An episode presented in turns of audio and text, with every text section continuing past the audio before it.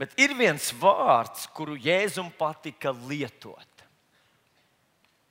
Ja viņš sastapās ar cilvēku pavisam grūtā, drūmā situācijā, viņš teica vēl kaut ko, bet viens vārds, tu varēji būt drošs, ja tu ar Jēzu staigā ilgāku laiku, un pie viņa atnāca, piemēram, bija tāda asinsērdzīga sieva, kas 12 gadus bija slimojusi ar kaut kādu īpašu mazasinības e, agresīvu formu.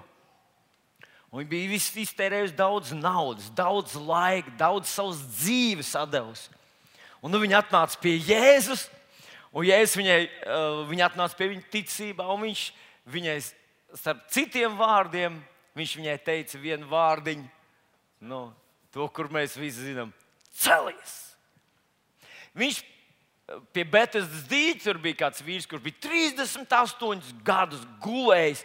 Viņa muskultūra bija atrofējusies. Viss viņš droši vien izskatījās pēc tāda nu, dzīva miroņa, ja tā drīkst teikt. Noteikti seisādi bija neveselīga, mati bija nekopti un, un, un skelets. Viņa, nu, es nezinu, kāds viņš tur izskatījās. Mēs tikai varam stādīties priekšā. Un, ja es viņam jautāju, cik ilgi, viņš saka, ilgi, un neviens man nepalīdz, es esmu viens, un, un man nav radinieki, visi no manis ir atteikušies. Un tad Jēzus starp citiem vārdiem saka viņam, celies, ņem savu gultu un staigā. Tāds sajūta, ka Jēzus vi, viņš kaut kādā nemācēja tā, ziniet, tā, kā mēs gribētu, lai pie mums pienāk. Ah, kā, oh, oh, 38 gadus. Ziniet, viņš reiz pienāca pie viena puika, kurš bija nomiris. Vienai atraitnei bija dēls, un tas dēliņš bija nomiris. Un tagad bērns iet, notiek bērns, un visi apkārt raud pēc tā laika tradīcijas, austrumu tradīcijas. Visiem bija jāatnāk kaut drusciņi, bet paraudāt ar ģimeni. Un Jēzus pienāk, apstādina tos nesējus puika, es tev, es tev saku. Un ko viņš viņam saka? Viņš nesaka, dusi mierīgi dzimtenes smiltājā, lai tev, nu kādu, lai tev viegli smilts. Ja. Vai, nu, nu, klausies cīruli, nu, kā es esmu dzirdējis, kādreiz bērēs saka, oh, klausies cīruli dziesmas, kad viņš te, mīļais Dievs, es, es biju dzīves, neklausījos tās cīruli dziesmas.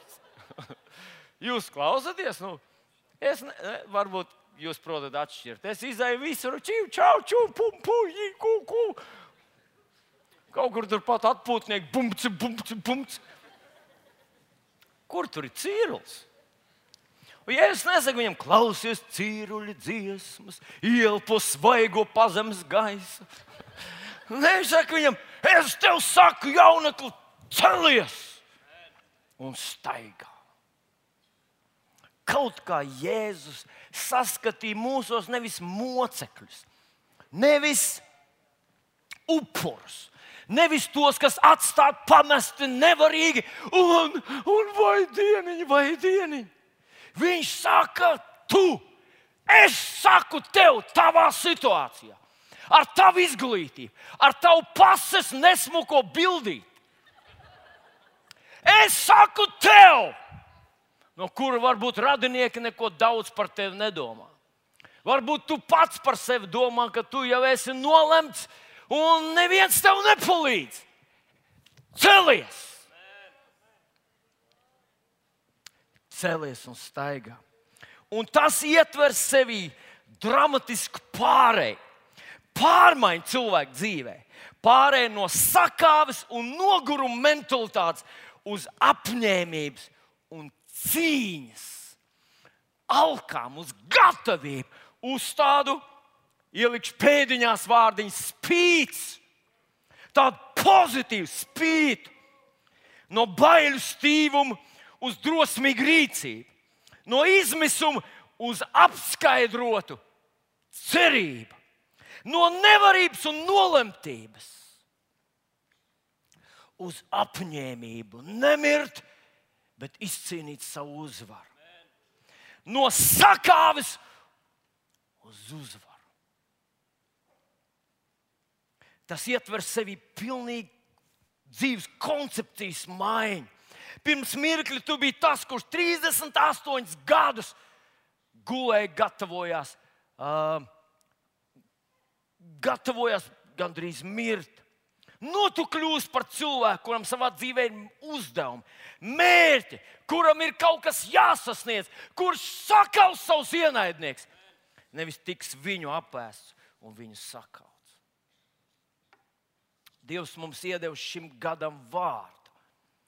Mīļie draugi, nav lielākas dāvanas par to, ka Dievs dod vārdu tev. Viņš iedeva vienu vārdu veselai tautai. Un, un Mūzis rakstīja, ka viņu vidū nebija neviena gurdena, neviena slāpana, neviena nespējīga. Nebija viņu vidū. Visi tie, kas sadzirdēja to vārdu un paņēma sev, tas izmainīja viņu eksistenci un izmainīja visu perspektīvu, kā viņi redzēja sevi nākotnē.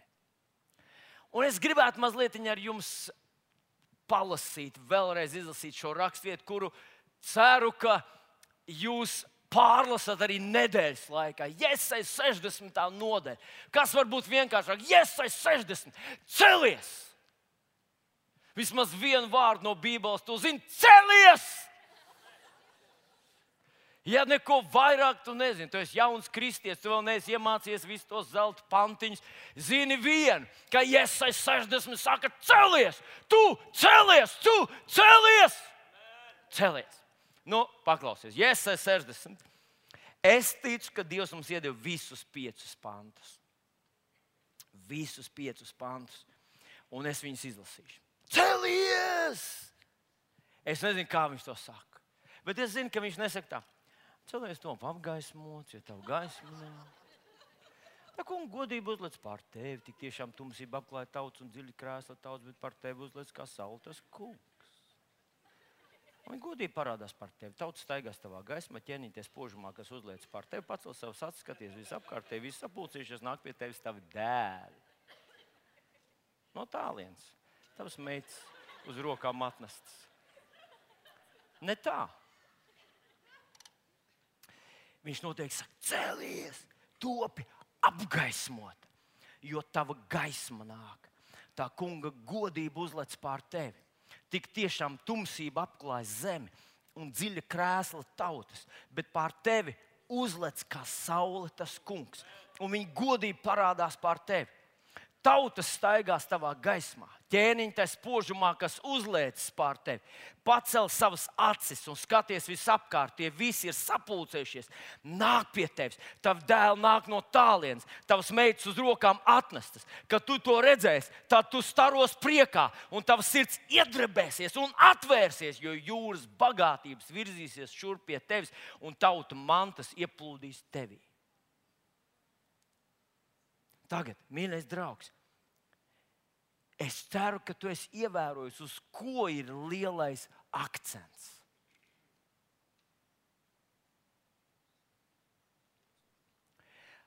Manā izpratnē tas lielais akcents nav uz to, ka tu piecelsies, un tad tu izdarīsi, un tad tu sasniegsi, un tad tu varēsi, un tad tu pats, tad tu taču nu, to savu lielo muskuli parādīsi.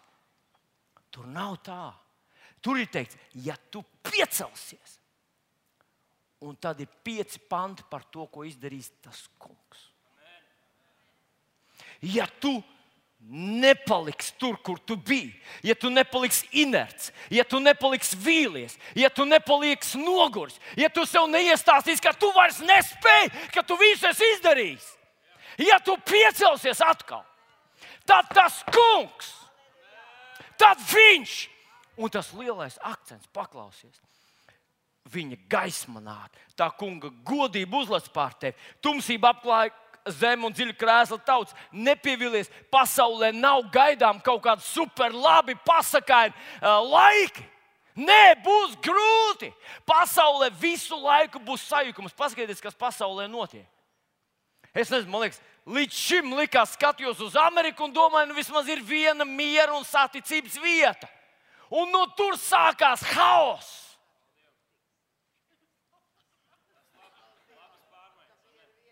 Es par to, ka, mīļais draugs, Negaidi, ka viss atkal atgriezīsies Brežņeva laikos, kad bija tā vārds. Vienīgais, ar ko mums bija jātiek galā, neaizmigt, kamēr mūsu nu, prezidents nosaka savu runu līdz galam. Bet par tevi! Viņš runā par tevi, bet par tevi, bet par tevi, bet par tevi! Tas ir vienīgais, kas tev jāzina. Pagaidām, kā, kā par. Redz, ja tu staigās, ja tu piecelsies, tad par tevi atspīdēs gaisma. Un tagad skaties, tas ietekmēs tautas. Tautas staigās tavā gaismā. Tas iet, tu ietekmēs cilvēks. Ķēniņš tajā spožumā, uh, kas uzliek par tevi, pacel savas acis, skaties visapkārt, tie visi ir sapulcējušies. Nāk pie tevis, tavi dēli no tālienes un tavas meitas uz rokām atnestas. Ziniet, es ticu, ka svētais gars man uzrunāja. Paskaties, Vilni. Tad, ja tu esi piecēlies, tad tu ietekmē cilvēkus. Mirušie neietekmē cilvēkus. Mirušie neietekmē dzīvi. Mirušie neietekmē savus dēlus un meitas. Mirušie, un mēs šeit runājam par, par tiem, kas ir dreifē vienkārši kas skatās, uz kurien man aiznesīs dzīvi, kas ar maniem notiks, kas notiks pasaulē rīt. Ak, Dievs, ak, Dievs, cenas celsies. Nav jābūt pravietim, lai pateiktu, ka cenas celsies. Celsies.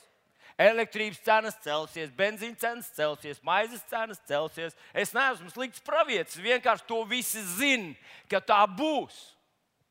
Tam tā ir jābūt.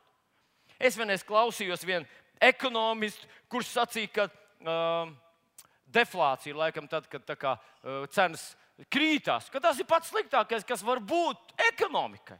Ka normāli, ka drusciņi visu laiku cenas ceļās. Es visu laiku domāju, ka tas ir slikti. Izrādās, tas esot labi. Cenas celsies. Tas ir labi, es nezinu. Vienu saka, labi. Nu, tā tad, ja es piecelšos, tad es ietekmēšu cilvēkus. Tad tā gaisma, kas apspīdēs man, apspīdēs tos, kas man ir apkārt. Apspīdēs mans dēls un meitas. Un man gandrīz vai ir pienākums, man gandrīz vai ir atbildība.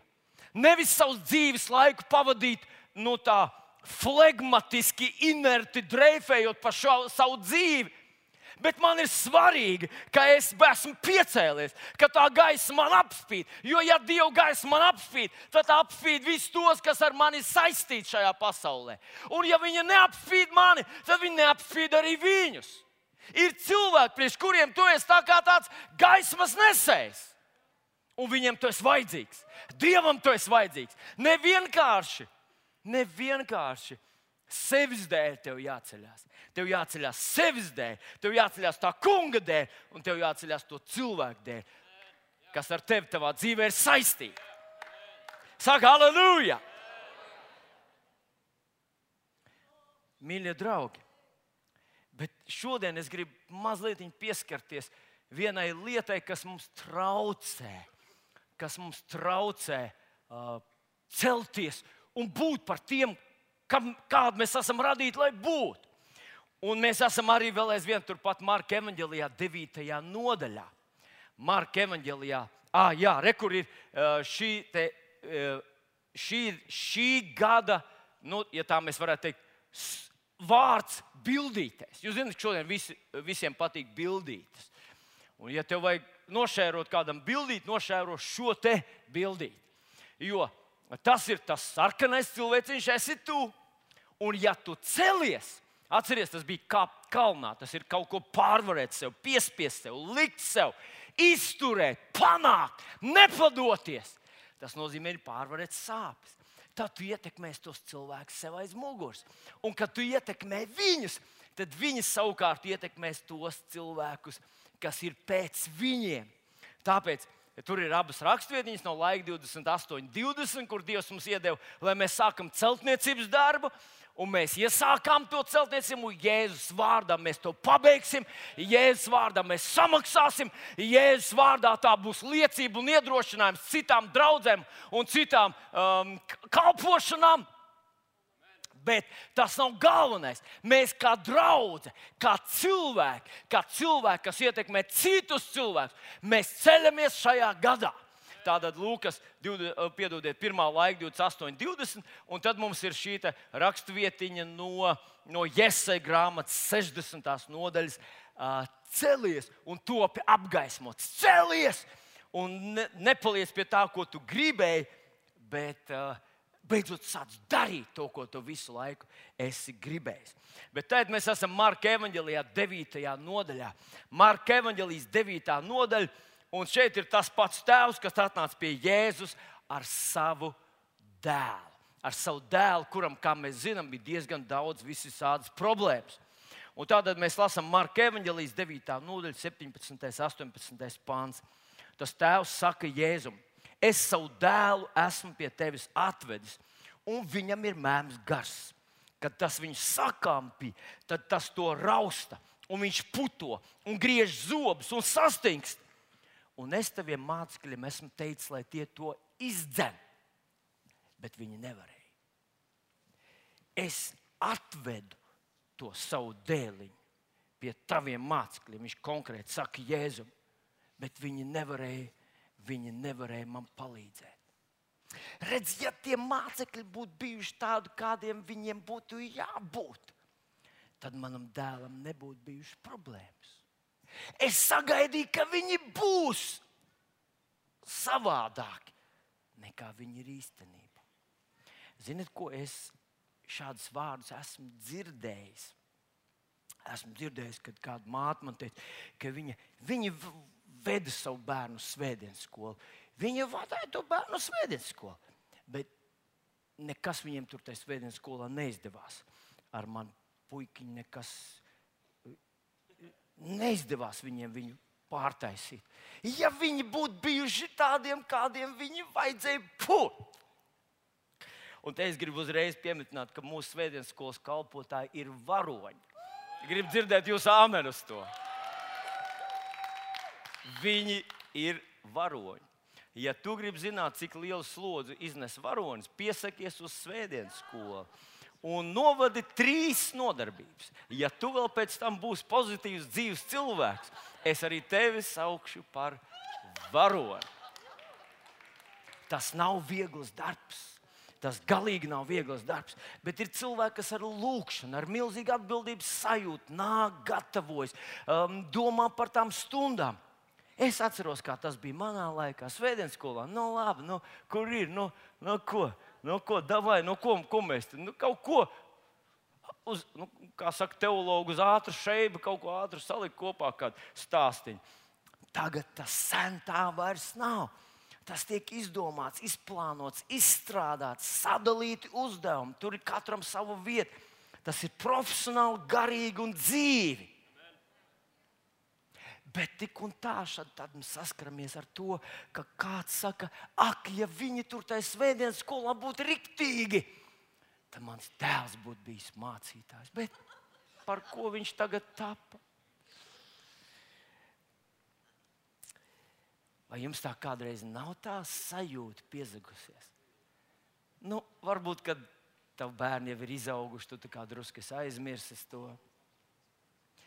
Varbūt viņš ir tādā jauniešu vecumā. Un es jums pastāstīšu vienu noslēpumu, ko es nevienam nedrīkst teikt, bet es jums, un es zinu, ka jūs jau nu gan pratīsiet saglabāt to kā noslēpumu. Vienreiz viena vecmāmiņa man saka, ak, mācītāji, man tas mazdēls, nu, galīgi nav nekādas jēgas no viņa. Viņš dzer un pīpo un darbu viņš nevar atrast un mētās apkārt pa visādām. Viņam tur atkal kaut kāda meitene piesitusies klāt. Es jau lūdzu to kungu, es jau lūdzu to kungu. Es saku, ko tad jūs lūdzat, mās? Es lūdzu, lai viņš kā ticīga meitene atrod un aprec to ticīgo meiteni. Tad jau es zināju, tad es zinu, ka viņš gan būs drošībā. Ziniet, ko man bija meita ticīga? Meita. Un es lūdzu, Dievs, pasargā man meitu no kaut kāda tāda bezrakstura, bez jēgas, bez, bez uh, vārda, bez uzticības, bez, bez satura, um, klīstošiem holandiešiem.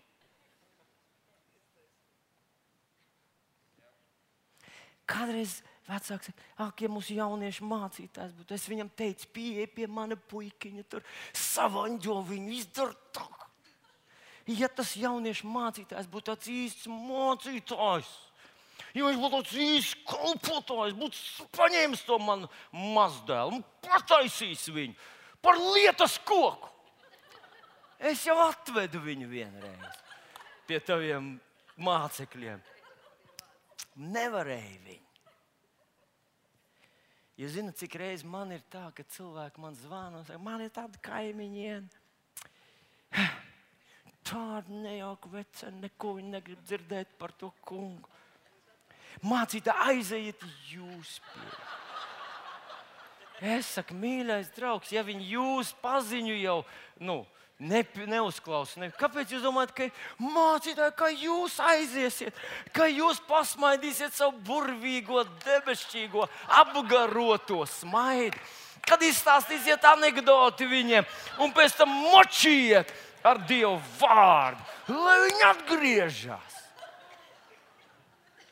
Saka, es savu kaimiņu biju atvedusi pie mācītāja, bet viņš nevarēja būt viņš īsts mācītājs. Būt tā draudzene, īsta draudzene. Es taču nebūtu tāds, kāds es esmu. Man nebūtu tās problēmas, kas man ir. Vai, vai jums nav tā kādreiz? Tāda sajūta, ne jau es nesaku, ka jūs to visiem stāstat, nu visiem gluži nē, bet, bet jūs to stāstat, jo tā ir jūsu pieredze, vai ne? Jūs taču nebūtu tāds dusmīgs un aizvainots cilvēks, ja jums apkārt būtu gaišs un apgarot īsti kristieši. Pareizi? Pareizi saku. Jūs taču būtu gaiši, jūs jau pēc dabas esat brīnišķīgs būtnes. Nu, kad es saku jūs, es arī sevi ietveru iekšā. Es, es zinu, kā es vēlos. Es zinu, kāda man nodoma. Man jāsaka tā, kā Dievs saka, jo es zinu, kādas man domas ir. Bet redziet, kad es sastopos ar tiem neīstiem Dieva bērniem, kad es sastopos ar tiem nepilnīgiem cilvēkiem, ar tiem neīstiem Kristus mācekļiem, kad es sastopos un viņi nevar, man ir problēmas. Cikiem ir problēmas, tāpēc ka Kristus mācekļi nevar. Nu, paceliet droši, droši. droši jūs, jums nērti mazliet.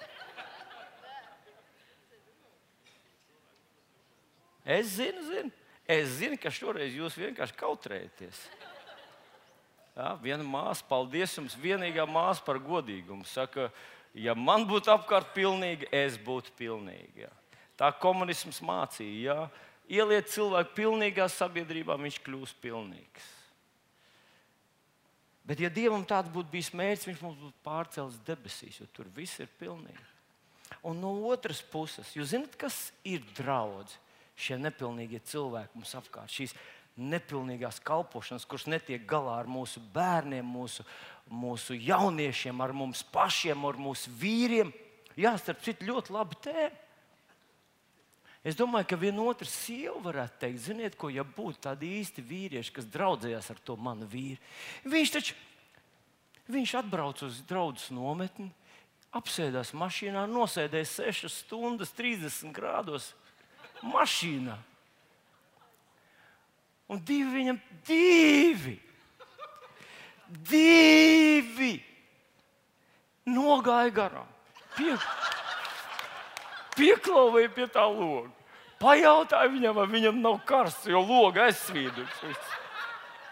Viņš teica, ka nē, viņam esot labi šeit. Un aizgāja garām. Ja būtu mums īsti vīriešu draudzē, nu tā īsti vīriešu draudzē, kas to manu vīru paņemtu un ievilkt kaut kur korī vai slavēšanā, Viņš ir labi, viņam ritms sajūta labi, viņš varētu tur pie bungām vai kaut kur no te, kaut kur pa vidu ielieciet viņu pa vidu, lai viņš pārtop.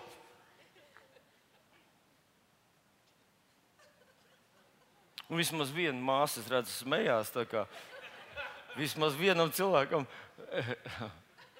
Tā, ne jau tā, ka mēs to visiem stāstām, bet ja tā draudzene būtu pilnīga. Ziniet, kāda man bija tāda atklāsme, ka draudzene ir tā kā valsts. Ot mēs sēžam solā un brīžiem mums liekas, brīž, kā mums tā valsts tikai nodokļus no mums iekasē un neko mums nedod. Bet tu aizej uz slimnīcu un paskaties, ka tur visu gadu cauri No rīta līdz vakaram strādā cilvēki, kas kopj slimos, kas ārstē, operē, naktas vidū nes podziņus, mazgā podziņus, nes pīles, mazgā maina pamperus. Cilvēki strādā visu gadu. Un tā ir daļa no valsts funkcijas.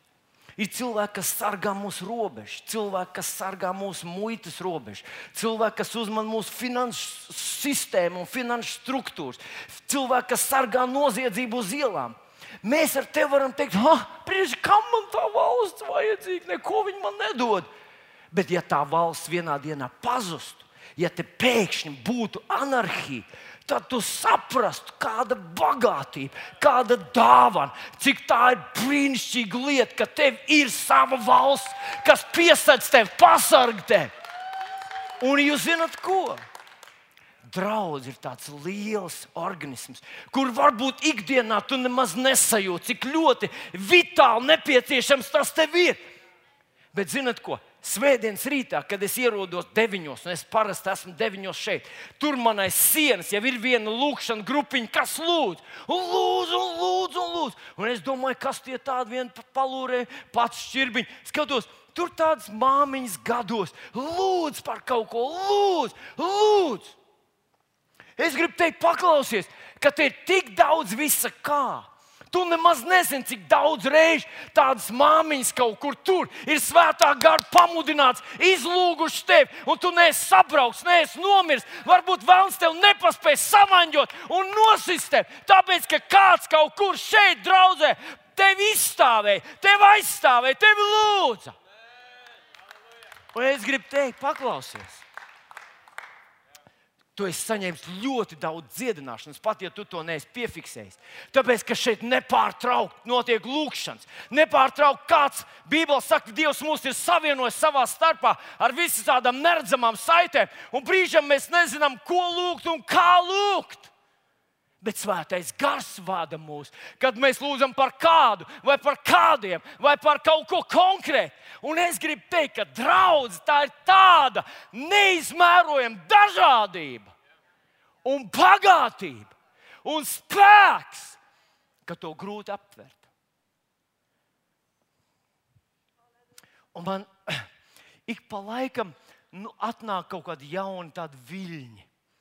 Un vienā brīdī bija tāda, ziniet, tāda ah, ah bauslība. O, bauslība, tie, tas, tie, kas reāli grib kalpot Dievam. Bet tā, tie, tie, kas grib tā pa īstam kalpot Dievam, tiem ir jāiet tur vismaz baušļi.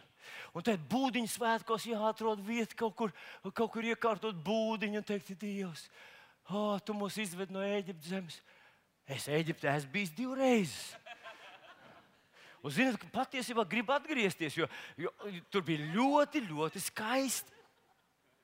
Dievs nav izvedis mani no Eģiptes zemes, nu tā reāli. No grēka Eģiptes, jā. Bet redz, un, un tad tas, tas jau sākās ar būdiņu svētkiem, un sākās ar uh, šalomu, Jerusalēmu. Un tad, tad tā tā, tā dziļā, tā īstā, tā fundamentālā pieeja Dieva vārdam, ka Jēzus jau nav nekāds Jēzus, viņš jau nebija Latvijas pareizi. Viņš jau jāuzrunā kā ir Ješo. Ješo. Un tu nevari teikt Dievs, jo, ej, nu sazini, ja tu runā latviešu, varbūt atnāk kāds neīstais Dievs, jāuzrunā Adonai.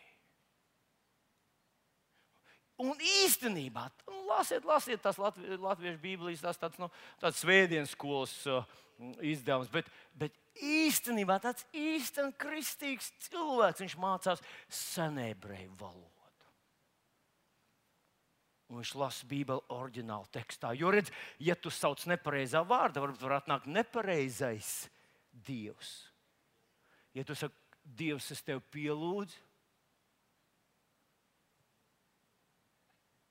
Un zināt, ka, ja tu sauc gaļu un ēd gaļu, tad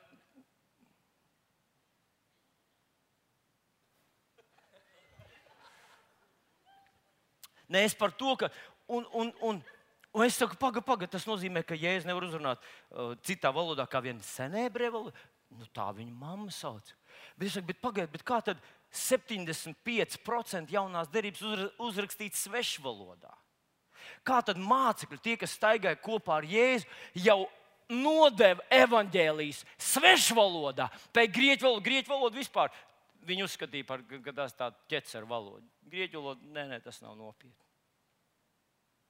Kā tad mācekļi to darīja? Kāpēc viņš sūtīja pa visu pasauli pasludināt evaņģēliju visiem?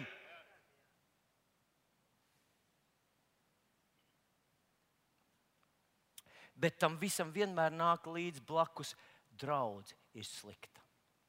Un tas mēģinājums, viņi, protams, nevar neko nodarīt draugiem no ārpuses. Neviens nevar draugus iznīcināt, nevar uzvarēt. Bet Viņi mēģina cilvēku izraut ārā no draudzes. Un cilvēku dabū ārā no draudzes, aizved viņu tur kaut kur, un tad viņam masē, masē, masē. Un es jums pateikšu, ka lielākā daļa no tiem cilvēkiem pēc kāda laika viņus atrod pasaulē, viens pašus sasis, salauzts, vīlušos.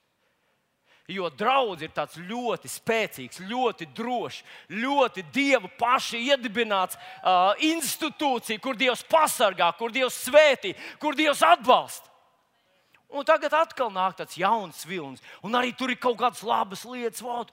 Es, protams, protams, būtu ideāli, ja es varētu lasīt jauno darību aramiešu valodā.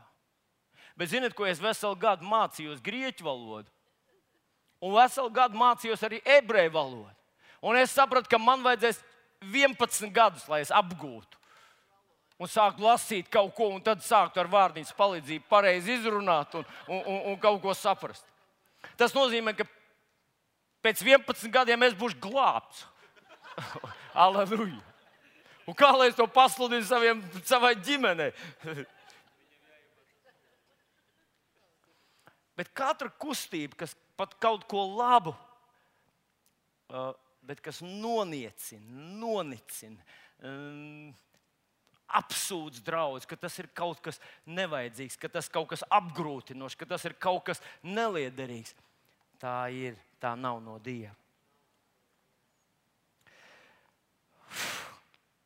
Interesanti, ka Jēzus tam tēvam nesaka, jā, mācekļi pagaidām vēl nav gatavi, neko nu saņemies, iztur paciet. Bet viņš viņam saka, Mateja 8. nodaļā, viņš saka viņam tā. Mateja 9. nodaļā viņš saka viņam tā. Tu saki, ja tu spēj, kaut tu varētu ticēt. Tas visu spēj, kas tic. Citiem vārdiem viņš saka, tu tici, tu saņem. Viņš nerunāja par citiem ar tevi. Viņš nerunāja par to, ko tie citi un kā viņi un kāpēc viņi tā dara, kā dara. Viņš saka, ka ja tu ticēsi, ja tu ticēsi, tad tu saņemsi. Viņš runā ar tevi. Un vienīgais, par ko tu atbildēsi savā dzīvē, esi tu pats. Mateja Evanģelija 8. nodaļā ir ļoti interesanta vieta, kur pie Jēzus atnāk uh, uh, romiešu virsnieks. Un Jēzus viņam atbild tādiem vārdiem, Romiešiem 8,13. Lai tev notiek, kā tu ticēji. Tev notiek, kā tu ticēji. Tava dzīve ir tava izvēle un tavas rīcības spogulis un sekas. Un tāpēc viņš iedrošina tevis nevis pārkraut atbildību uz citiem cilvēkiem, nevis, nevis uh, raudzīties uz citiem, nevis padarīt sevi atkarīgu no citu viedokļiem, bet Dievs būtībā izceļ tavu misiju un tavu lomu šajā pasaulē. Un viņš saka, ko dari tu? Tu ko dari? Tas izšķir visu tavā dzīvē. Ko dari tu. Ir interesanti, bija tāda reize, kad Jēzus uh, uh runā uz Pēteri un saka viņam, ka viņam būs tāda svarīga un smaga misija šajā pasaulē. Un tad viņš pagriežās un saka, kas tad būs ar Jāni? Un Jēzus saka, kāda tev daļa par Jāni? Kāda tev daļa par to, ko dari visi citi cilvēki? Tā ir tava atbildība. Tava atbildība rīkoties pareizi. Tava atbildība ir celties un uzticēties un ticēt Dievam. Un tas izmainīs tavu dzīvi un to cilvēku dzīves, kas ir tev apkārt, radikāli.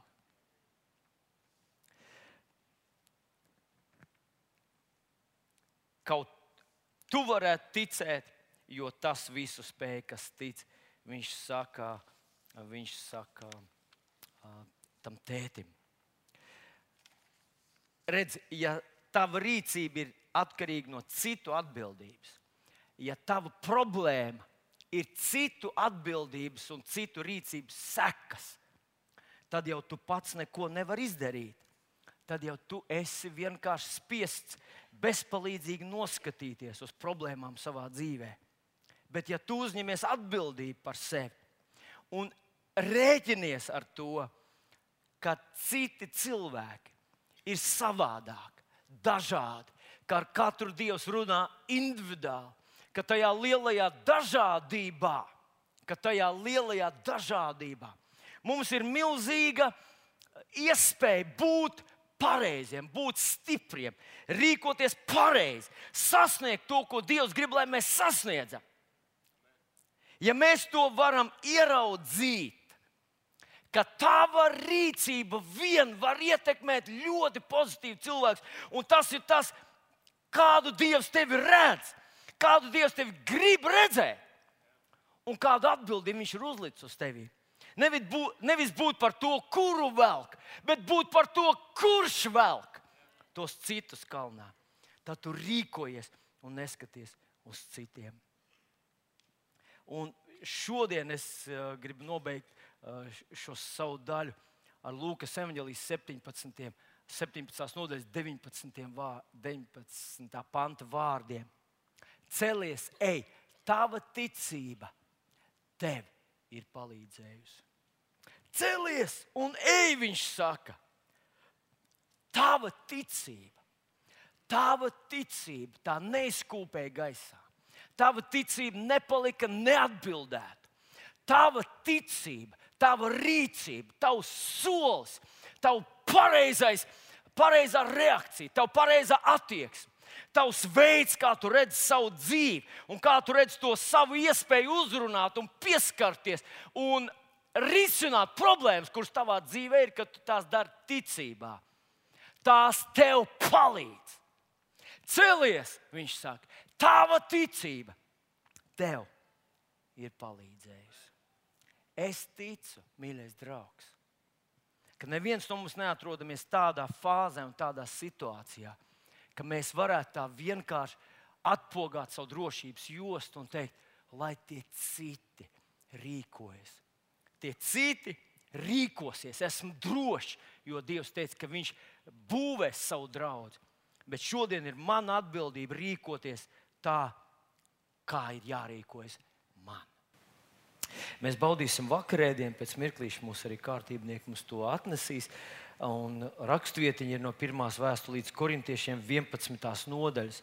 1. korintiešiem 11. nodaļa no 24. panta, kur Jēzus tajā naktī, kad tika nodots, viņš ņēma maizi, pārlauza to un sacīja: Šī ir mana miesa, kas par jums top dota. To dariet mani pieminēdam. Tāpat arī biķeri pēc vakarēdienas sacīja: Šis biķers ir jaunā derība manā asinīs. To dariet, cik kārt jūs to dzerat, mani pieminēdam. Cik kārt jūs no šīs maizes ēdat un no šī biķera dzerat, pasludiniet tā kunga nāvi, tiekams viņš nāk.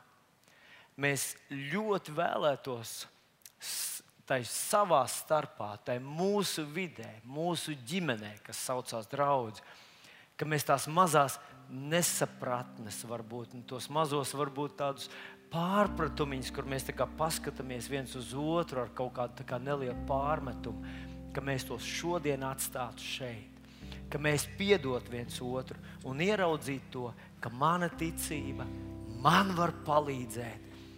Un kad es esmu svētīts un apgaismots, es varu palīdzēt un pacelt visus citus. Tādu mums tevi ļoti, ļoti vajag. Lūdzu, piebiks tam, kurš sēž tev blakus. Pasaka, Vilnis teica, ka mums tevi tādu vajag. Ļoti labi. Piecelsimies kājās un mēs pielūgsim Dievu. Mūsu debes Tēvs, paldies Tev par draugu. Paldies Tev par katru vīru, katru sievu, katru puisīti, meitenīti, katru jaunieti, katru jauniešu puisi un jauniešu meitenīti. Mēs turam dārgu katru, jo tu mūs visus turi dārgus. Un mēs lūdzam pēc tavas palīdzības, mēs lūdzam pēc tavas uh, klātbūtnes, Dievs. Mēs lūdzam par tiem, kas atrodas šaurā vietā, par kur par kuru dvēselēm notiek dramatiska cīņa. Kungs, mēs pievienojamies viņu vecākiem un tuviniekiem un visiem tiem, kas cīnās par saviem piedarīgiem tuviniekiem, Kunga Jēzus vārdā. Mēs nevienu neatdodam. Un mēs pateicamies, ka mēs, ka mēs visi esam spējīgi piecelties ticībā, uh, realitātē, savos darbos, rīcībā, jau no paša rīta, jau nākt pie Dieva troņa un saņemt apžēlošanu un palīdzību. Katrā situācijā, katrā problēmā un uzvarēt visās cīņās. Paldies, Tev, Kungs! Mēs šodien baudām šo tavu iestādījumu, Kungs, lai pēc tam dotos un rīkotos ticībā Jēzus vārdā. Un viss draudz sacīja Amen!